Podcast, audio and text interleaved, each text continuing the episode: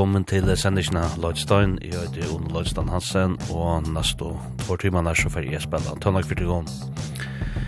Jeg får spille rettelig blanda i en tønlag, som jeg så ofte gjør og det er rettelig en ekk for nødgjør tønlager, som jeg også pleier å gjøre. Ting om vant å høre nytt fra Smashing Pumpkins, Phoebe Bridgers, nytt og nytt, hun er liksom gjort 8 jola cover, den er donan i amerikanska sangvinnan. Så vi er jo kommet inn, vi er jo kommet inn i det tøyene av Arnon, jøla tøyene. Vi skal høre nytt fra First Aid Kit, Editors, Big Thief, Morrissey, i røysten jeg skrann her, og Floyd Jørgen, så at det er en gav sending, så det er bare at uh, få oss en uh, kopp av kaffe, en kopp av te, hver sånn biltur, og jøda, jeg ser her løtene her. Vi uh, spikker hamrande for den tøyene, Jeg først å bryja vi noen eldre sangon til at um, 3. november ta andaist um, Sera Donanlia tøndesakvinnan Christine McWee som var røyne av uh, sangskrivaren i uh, Balchinon uh, Fleetwood Mac og um, dem var utrolig vel Fleetwood Mac og kanskje særlig nekra av de sangene som uh, Christine McWee har skriva og ikke minst Sunchoisne Og um, jeg helt ikke det, jeg helt det var liksom, som du sier, ganske at uh, spennende sanger vi flytter for merke her i begynnelsen av sendingene, og det er sanger som uh, Kristin McVie skriva, og det er jo sjående Everywhere, som uh, var å finne av platene.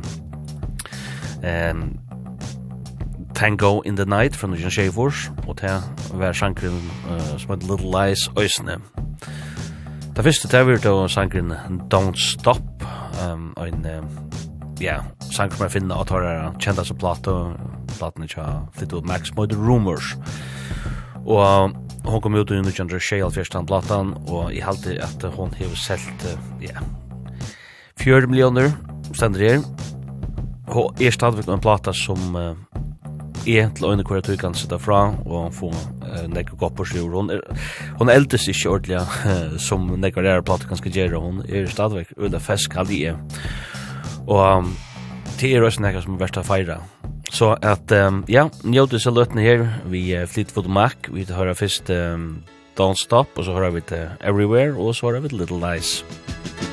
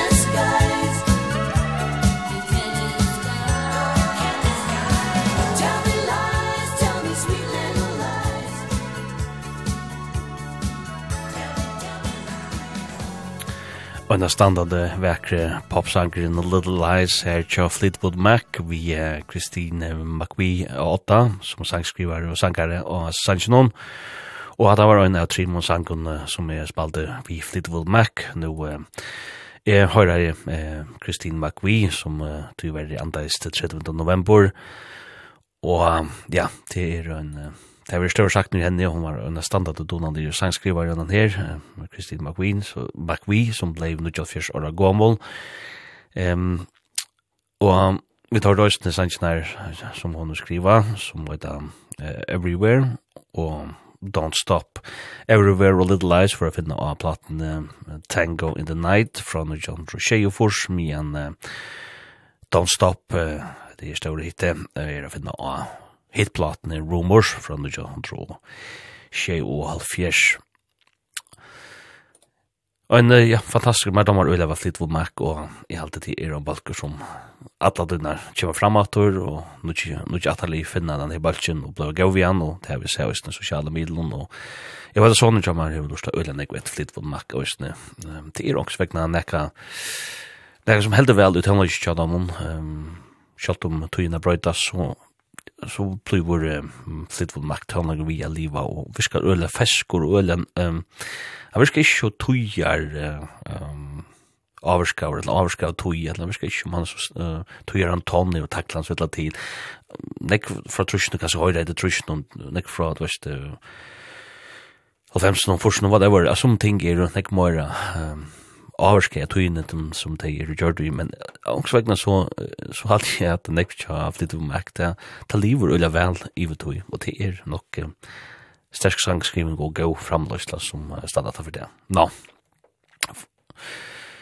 Fra Fleetwood Mac så færa vi vidare og nå færa vi til Lucian Tonelike. Vi færa spela, eller vi det vil si er færa spela en sang vi Yeah Yeah Yes, en døylig New Yorker-balker som hevgiven og Lucian plate ut um, som um, either Cool It Down. Det er det femte studioplatan tja, um, Yeah Yeah Yes, og kom ut i september i år. Og um, Yeah Yeah Yes er han uh, spennende gaur indie rockbalkur, vi um, Karen O som hun nøyder og åtta. Og jeg får spennende sang av hese platen som heter Wolf. Jeg får også spennende en, ja, en jævla sang, uh, nå begynner vi det narskast av det er ui tui tuine, jeg sier jævla tuine, jævla tonlaken er byrja og runga ui ulvarsmnon. Og jeg var spela en, en sang som Phoebe Bridgers i Jivu som heter So Much Wine. Det er ikke en egne sangur, det er en tulking av Og jeg gjelder Sanji Cha, en er døyligere duo som heter The Handsome Family. Og um, det her er jo uh, med vår kona, Brett Rennie Sparks, som kommer ur Chicago, Illinois. Og um, om tid, um, kanskje ikke kjenner så navnet i Hands of Family, så kjenner de det kanskje sannsyn som heter Far From Any Road, av platene Singing Bones, tja, uh, The Hands of Family. Den sangeren var jo høydesleie, tja, jeg sier True Detective-røyene, som ble så øyelig kjent i 2014. Og ja, hvis du ikke har sett True Detective, uh, gossir season 8, ja, mer mer utdant atlas sesongene er jo i her True Detective Røyne, selja 2014, jeg vil ikke se henne så mot det for at ikke trenne, og her har det så, vi begynner ja sendingen har det den her, Far From Any Road, og det er han som family som har skrivet han, og det er også som skriver han her, Sanchez som Phoebe Bridgers hever tolka han, og ikke Jella Sanchez, og han har det som vi som So Much Wine. Men det første sangen som vi får spille Um, det er en nødt sanger tja um, Smashing Pumpkins. Sangren kallas fyrir Big Isle, og um, det er en sanger som vi har finna av en rock opera som Smashing Pumpkins arbeid vi, som skal komme ut uh, i 2023. Det er ikke hissen, jeg alltid tar tås om, eller de tås om 33 og sanger som skal være av, så her rock opera som kommer i Trimon, uh, Pörston eller Acts. Um, jeg har ikke hørt hva det første året er for det Men eh, det må man er rettelig og vanlig uh, attack i uh, det tror tog att eh, det er alt uh, olja nek skor ni til enkelt lø ofta, singler og og nek falta uh, less is more, sier hans nere Otta Maverin We Smashing Pumpkins um, og gjennom samrøvo og Ja, han er så Billy Corgan, og han sier så, jeg sier gilt i årene, at han, han heldur ikke leses mor. Jeg heldur Ingvi, Ingvi Malmsten, som svensk gitarsnittlingen, gjør det til årene til så jeg ikke noe han sier eh, at han tjekk ikke inn for leses mor, men at more is more, Og det sier så Billy Corgan også her, at um, han går inn for det.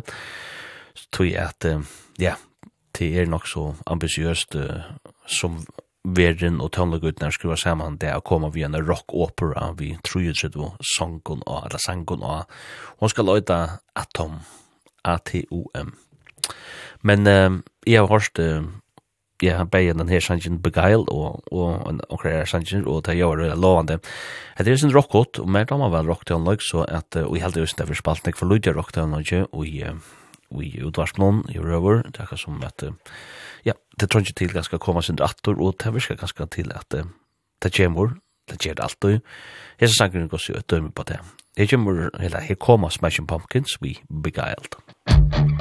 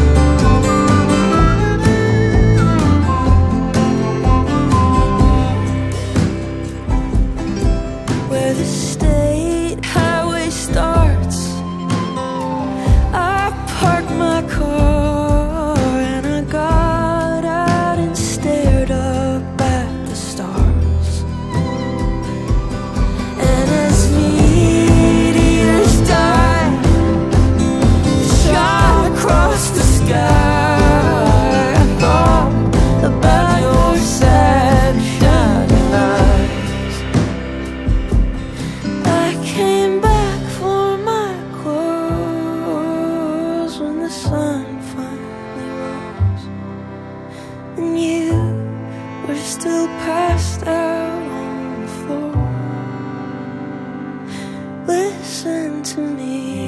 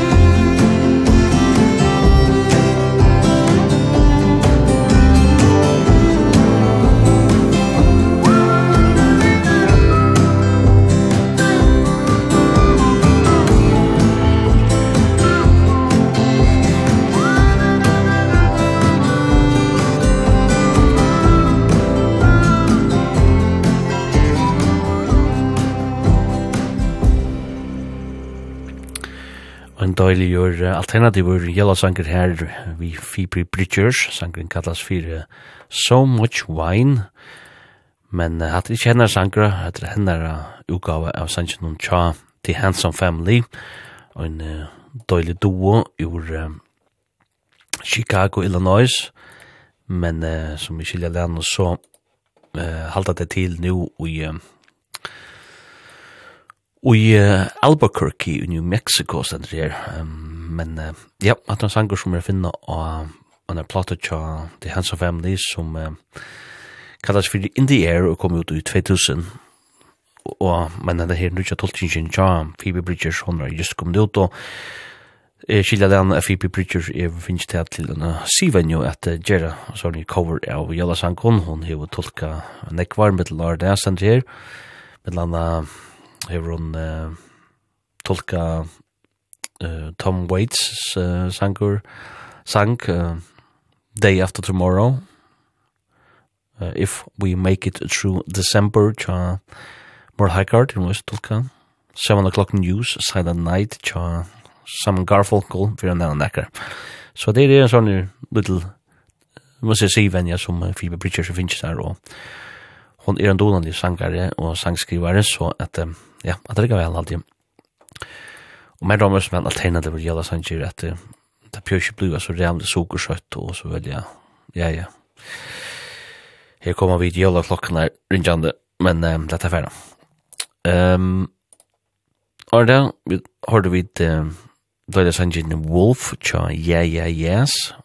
Sanger som jeg finner av Nuju Platan tja, ja ja yes som heter Cool It Down og til er femte studioplatan cha är inte rockbatch noen ure New York. Um, Og jeg kan bare stelle vimmela, jeg er jæs, og ikke minst den her, jeg ser nok platna, med landa sanker, en burninger, og jeg her som en fraligur sanker, Og så var det den første sangren jeg var som trimen her, det var um, Beguiled, sangren tja The Smashing Pumpkins, og en nødt sanger som uh, Smashing Pumpkins har givet ut, så vi er jo parster av en her rock-opera som uh, Balkan arbeider vi som skal komme ut neste år, 33 og sanger som uh, jeg har vært aldri opp i trutja parster halvtid, og ja, tid er ikke ofte, men eh har en balkar som färg hållt vi rock opera och i det är till ofta när som har det ganska fjärsen och tror inte någon till men eh snir balkar smashing pumpkins han är så god så färg hållt för det och Ja, ja, det var spennende å høre. Madame Bøle var, uh, Madame var jødelig for en øl, men han sa han her, så det blir ganske bra om at uh, den er godt til vante.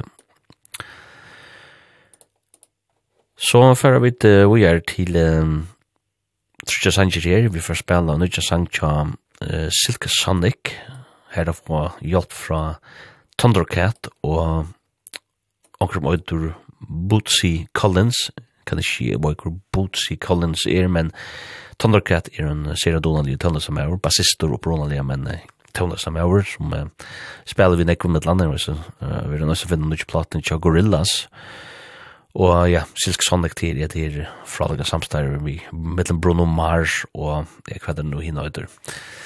Til alt det antar man blir uh, jeg blir at ta som en musikalska do her som minnes man bare til er Sean Andersson Pack uh, og Bruno Mars.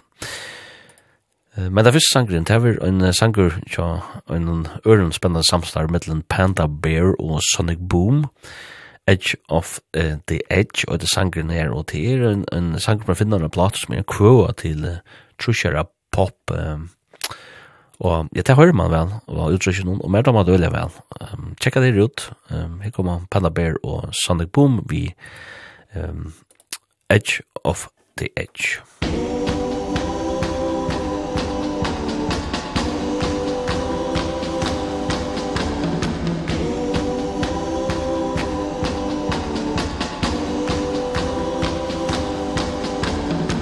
You took it out but you can put it back. You took it out but you can put it back again. You took a swig and then you take a crack.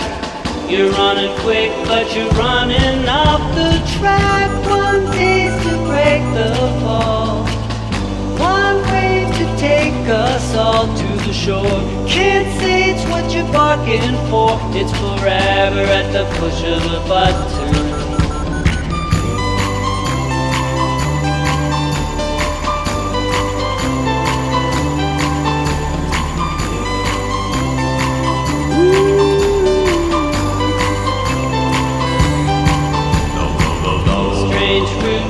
a hidden rock Took a taste and then you spit it back up. Consequences of the inside track. Bad time and you're running it all back. One taste to break the fall. One wave to take us all to the shore looking for It's forever at the push of a button Up to the edge of the edge of the edge of the edge of the edge of the edge of the edge of the edge To the edge of the edge of the edge of the edge of the edge of the edge of the edge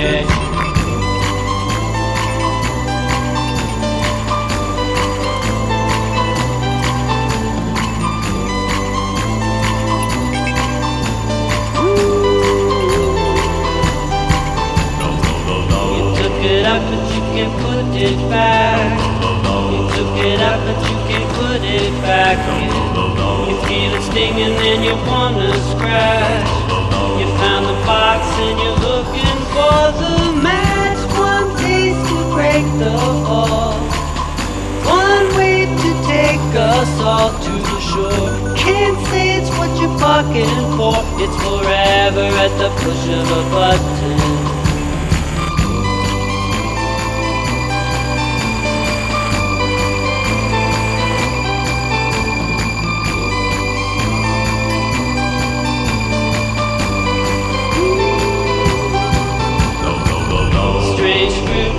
a hidden rod.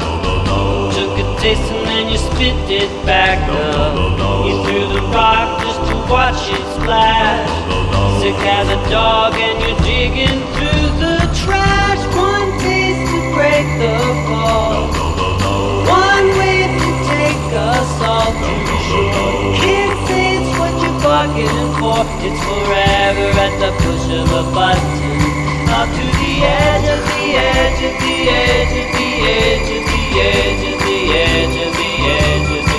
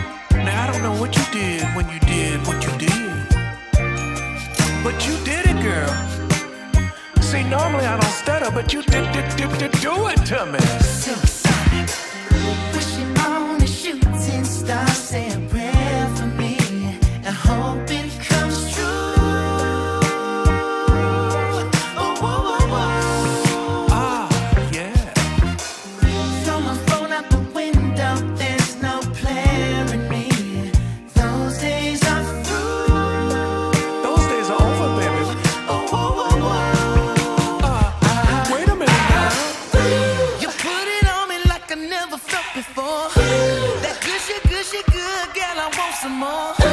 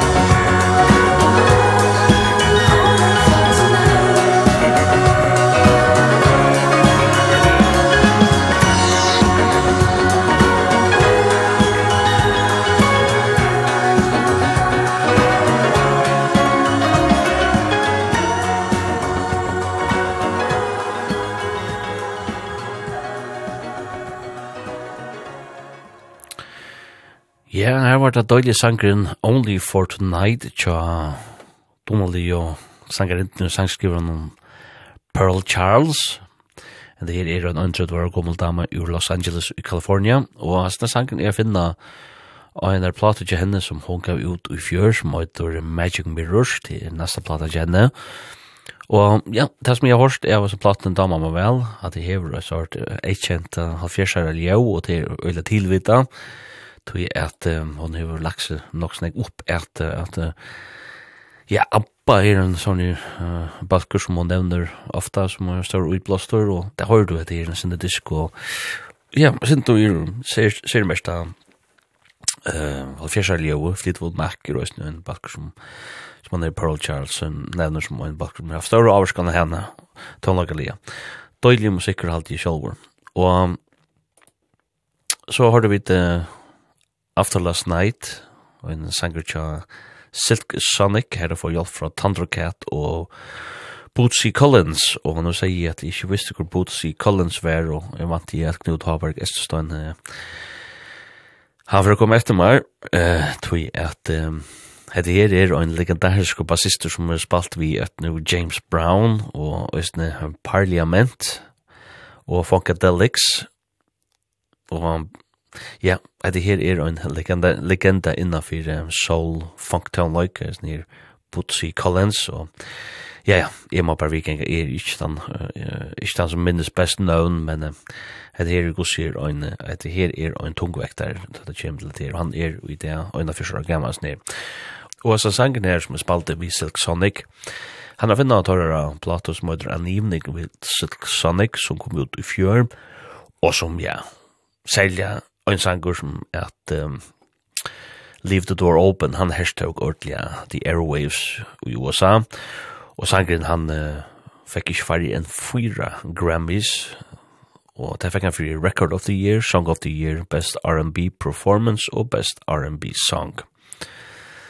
Ein uh, sterk utgave her fra Silk Sonic, uh, her det finner hjelp fra Bootsy Collins, og Thundercat, som var snir og en kjentur bassistor. Og jeg sier uh, Silk Sonic til er og Anderson Pack og Bruno Mars som manna uh, Balchen.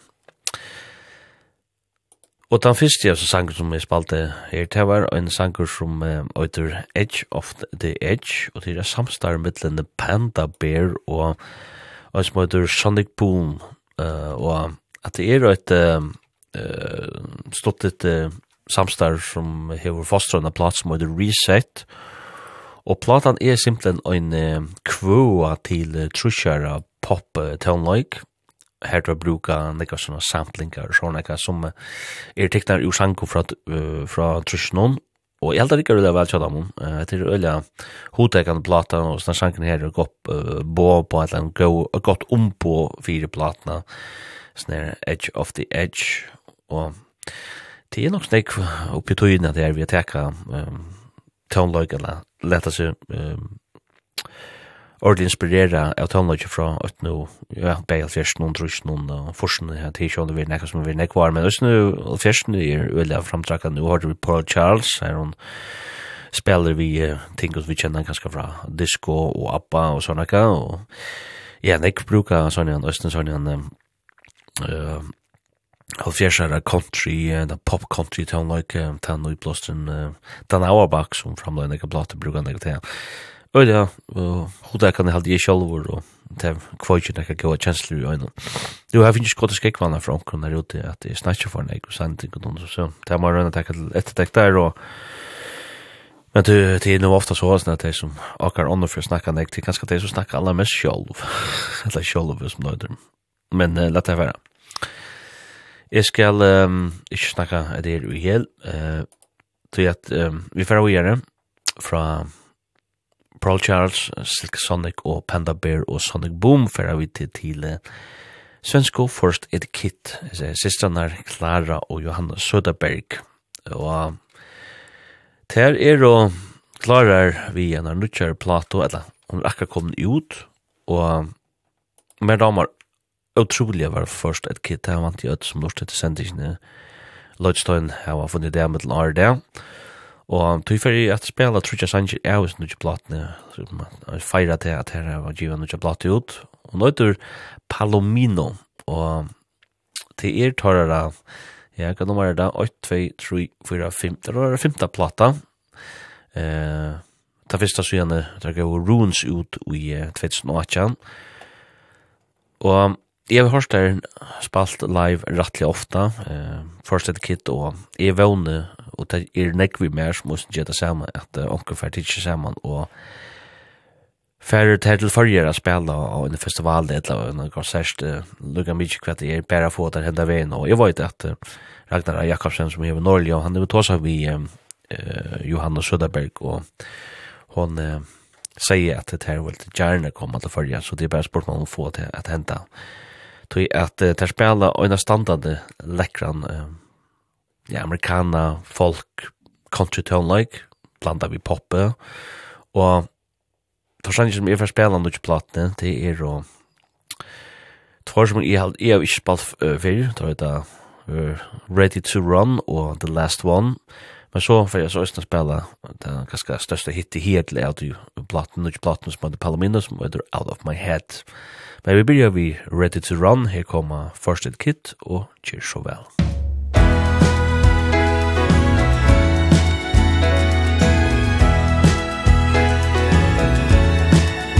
Oh, we are sensitive people, afraid to say the wrong thing, so I walk home alone, recalling everything, whole conversations, play by play, I thought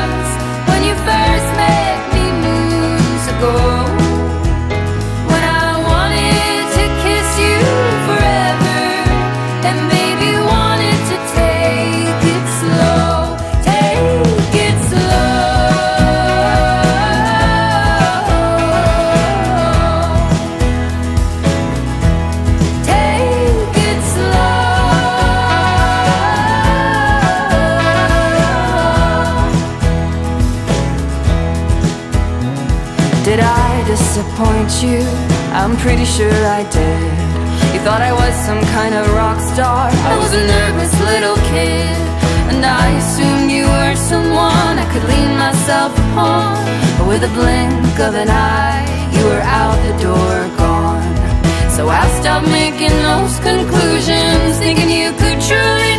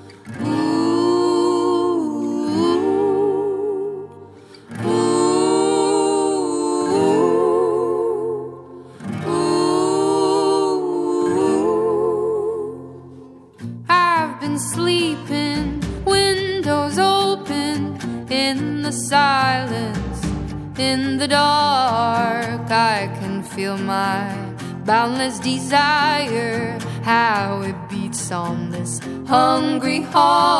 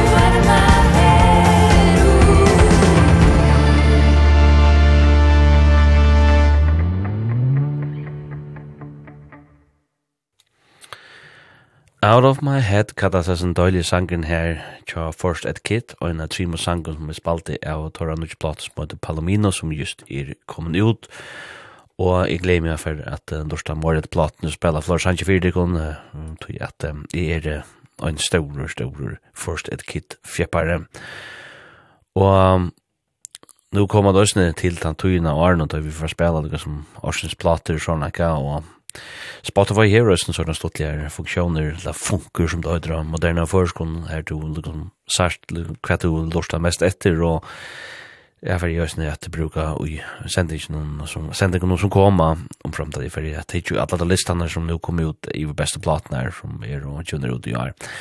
Men eh, jeg kan så holdt sikkert si at Palomino er så en plata som jeg har gått sier overlig av min lista i beste plater til at Men de var øyelig vel første kit, og alt som jeg har hørt til hans platen gir godt. Jeg har hørt det så, The Last One, og har hørt det Ready to Run, omframt Out of My Head. Vi får så vi er vi er sender av uh, Big Thief, Simulation Swarm, og en uh, fantastisk sanger av uh, og den er ikke røstar plater tja Big Thief, som um, de uh, gav ut i uh, AR, og tan Blatan, hon hei et øyla kryptisk høyte som jeg må lukka slå opp her, så at jeg ikke sier det skøyft, men det kommer her. Dragon, you warm mountain, I believe in you. at det mest, ser mest høyte av denne plate som jeg alltid, jeg kan til å si at at um, i grunden så henger seg årene slett ikke saman, men uh, det gjør det så, det er høyte av denne plate. Fantastisk balkur i Big Thief, og så får jeg spela en sang til Morrissey, spillen sjanker til Morrissey som heter Rebel Without Applause. Og ja, Morrissey, han var jo åtta med å rute Smiths, superbalkur uh, fra Forsen og Selja, er han gjør det mest om seg, men uh, ja, gleder meg spennende ut uh, fra Morrissey for det kom. Og sen drøy noen spesielle fyrest Morrissey, men dette er ferdig. Det skal ikke gjengu til tøvna ikke tøvna. Men jeg begynner jo nødt tale noen fra Ensko Editors, uh, livligur pop-rock-sanger her som heter Vibe.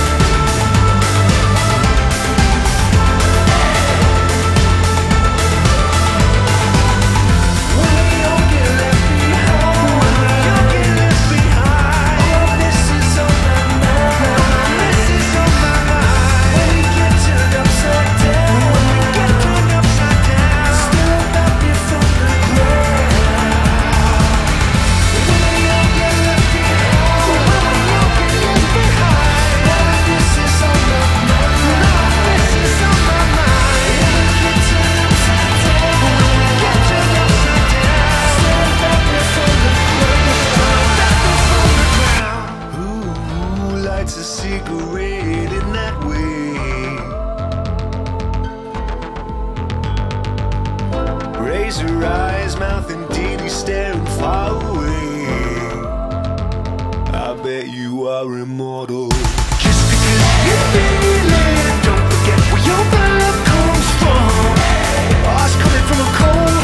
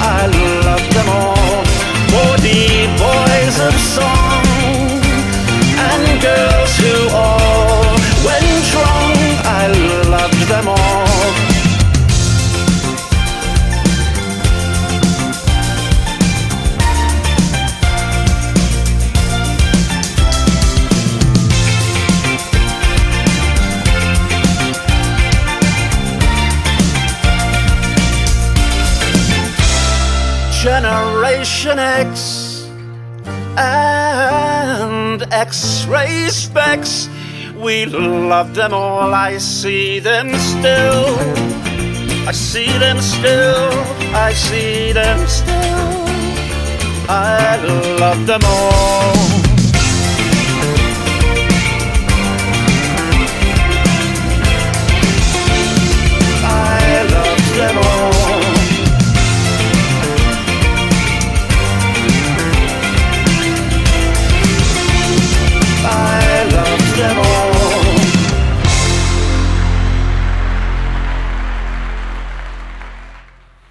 Og det var en filmer som heter Rebel Without a Cause, men hans sangen kallas for Rebels Without Applause. Og det var uh, nødt sanger fra Morrissey, det er den kjenta bretska sangaren og sangskriveren som vi kjenner fra Balchen og Smiths, men um, ja, han har faktisk spalt Mora Sol, nek Mora Sol, han har spalt uh, vi ut Smiths, men The Smiths er stadigvæk en ikonisk bolker fra Forsenån, Men som sangen er, han vil finne annan utja plato tja Morrissey som kommer ut neste år, um, som for øyta en bonfire of teenagers. Og um, hon kommer uh, i hølen av hans her 2020 utgave som at I am not a dog on a chain. Så han er virkjen, uh, må jeg si. En uh, person som ofta er nok så kontroversiell, eller sånn, det er nok sånn rumpel rundt om må jeg si alltid, og det er så øyne omkring disse platene, jeg leser meg til at det er sånn synes nær hun kommer ut, og han sier her at det ligger alt i og i hendren noen av Capitol Records som uh, har kjøpt disse platene at uh, hun bare liksom bøyde ut til han hvor er rådgjøvene av Morrissey-platet ut uh, det som er Hakstad Boy fikk uh, platene og det gjør så Capitol Records skulle komme ut i februar, tror jeg, men då får det suttja. Men nekra sangen jeg har vært spalt og konserten i 2022 av Morrissey, og ja, jeg har ikke hørt Morrissey, jeg har hørt Johnny Marr ut av Smiths uh, spalt um, live, og jeg har godt også har hørt Morrissey i vikinga. Og vannene, det er det mulig denne for 2022. Arnold hørte Morrissey, um, og han sier Rebels Without Applause, så hørte vi The Simulation Swarm tja døyliga New Yorker bultjen om Big Thief. Ein av uh, indie-spalken tja mer, og kaska ta største indie-balkren, in, mun indis indie-balkur, eller han er faktisk indis indie-balkren tja rattla nekvun falkon, uh, som Østene møtte innan fortellende gong på dem, og det skiljer vel at det er en fantastisk balkurs nere, Big Thief, og altså sangen er finna og platene tek ut i 2022 som heter Dragon New Warm Mountain I Believe in You. Og som har Terrors lukka bara liksom at det heads up som man sier at det har holdt seg unna platene som er av munnen lista i beste platene her i 2022. Og det første sangren vi hørte her, um, det var sangren Vibe, tja, ensko editors, editors, uh, er ein uh, døyljur um, rockbalkur ur Longlandet som, ja, man har vært spela sånn en, um, ja, popotan rock, løvelian uh, poprock, uh, og Alltså sangren är finna av Torra Plato som heter EM, uh, EBM fra 2022 Og ja, ehm dårligere lukka til popper er ikke nekve miljøst og dansevinale faktisk. Det er faktisk en disco dansevinale det er det som jeg kjenner editors. Det er faktisk en rettelig nekve en balkar rockbalkar jeg spiller gjør sånn tøvnløyke som er rettelig dansevinale Nu fer jeg at uh, spela Trudja Sanchez her som um, mer av domt vel i 2022 års um, Til er sangren Miles and Miles, til balkjon til Heavy Heavy, en balkur ur Brighton i at Til er en spilt nødt balkur som fer ulja nekva og gav omtalen, særlig i USA. Og hvis man slær jøknu i USA, så ja, så blir det genga under vel, til det er en ris av tøvnlag av marsnæver. Men lett om sutja gos afra genga til den her unge folk folkene ur Brighton, det er gos vel gongt, vi snir sanns om miles and miles. Så fyrir jeg spennende sang som heter Aquamarine, og det er Danger Mouse og Black Thought, som får hjelp fra Michael Kivanuka til å spennende den her døyla sangen her. Men uh, det første sangen til er en nødt sanger til en dame som heter at, uh, Amanda Shires. Sangen kallas for Hawk for the Dove.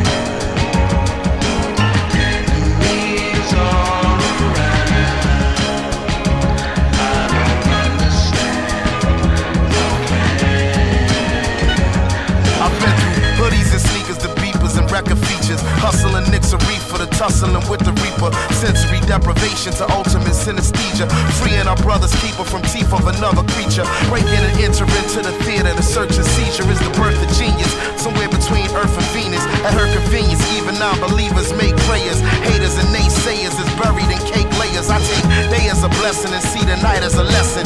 Twilight is a message for me to write a confession. The matrix a dominatrix seeking to be served. Ever patiently waiting with the demons we deserve. Better be willing to pay for every dream that you deferred. If the vehicle should swerve learn to lean into the curve.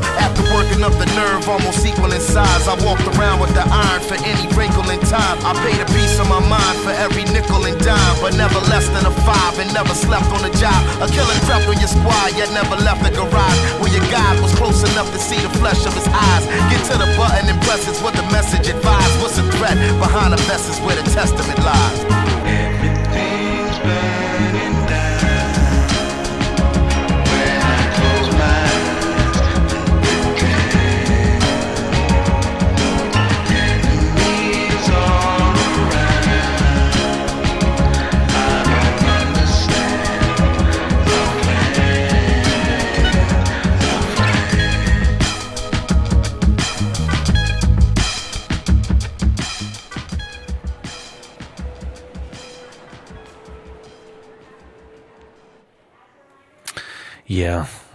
sterska samstar vi her mittlen uh, Danger Mounts og Black Thought.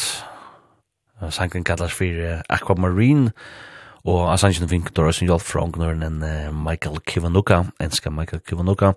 Og sangen er finna av uh, platene Cheat Codes, Cha, Danger Mouse og Black Thought og uh, heter en plata som uh, fær skottsmale mostaraversk og i en omvalde tja The Guardian. Uh, eh alltså en hiphop mästare verk vi skriva och ja, jag men om jag för väl test mig jag hörst jag så här platten cheat codes och jag kan bara vimma för att lusta det ner ehm no gold teeth och en annan sång som jag spalt och i behöver bara ett i måste lite och allt det som Danger Mouse för jag hållt vid det är allt ju av värst Brian Burton som han øyder, han hever jo framløyt nekka de største, nekka de største blaten om du gjør tog i USA og med landa så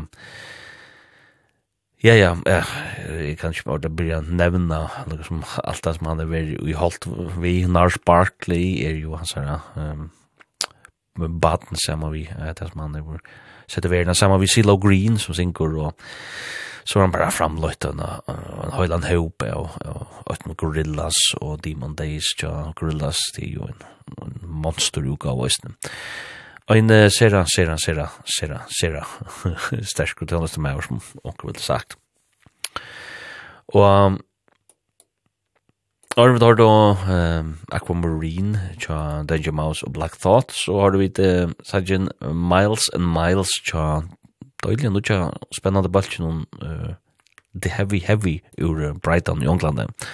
Hette her er en balkur som man skal halda i avi tui at um, ja, det spela sånn en uh, hva kallar man det psykadelisk kan folk av blues tonlag for forsen uh, for trusjon ikke for forsen trusjon eh få utblåse fra no, nå er snø Fleetwood Mac og Fjersen og Stones og sånne kan Det er jo da, det er en duo, det er Georgie Fuller og Will Turner, som mannen den her balsen er.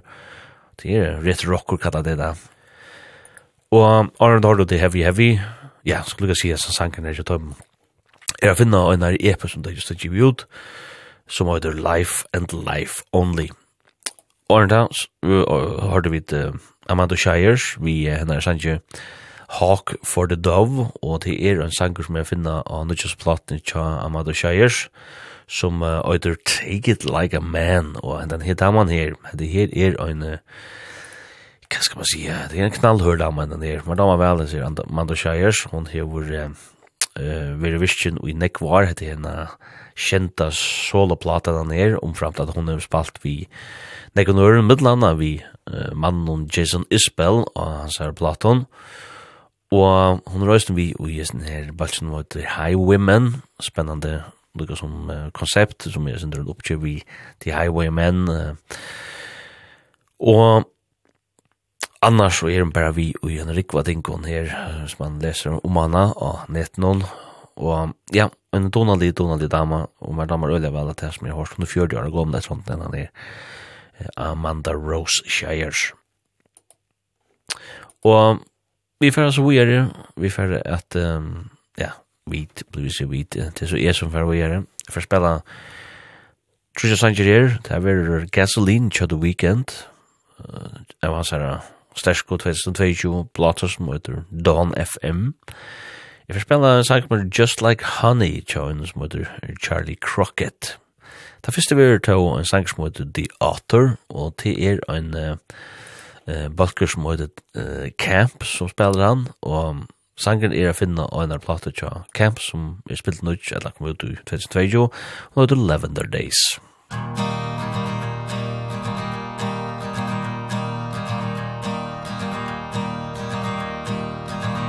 I am floating in deep water Like the unfermented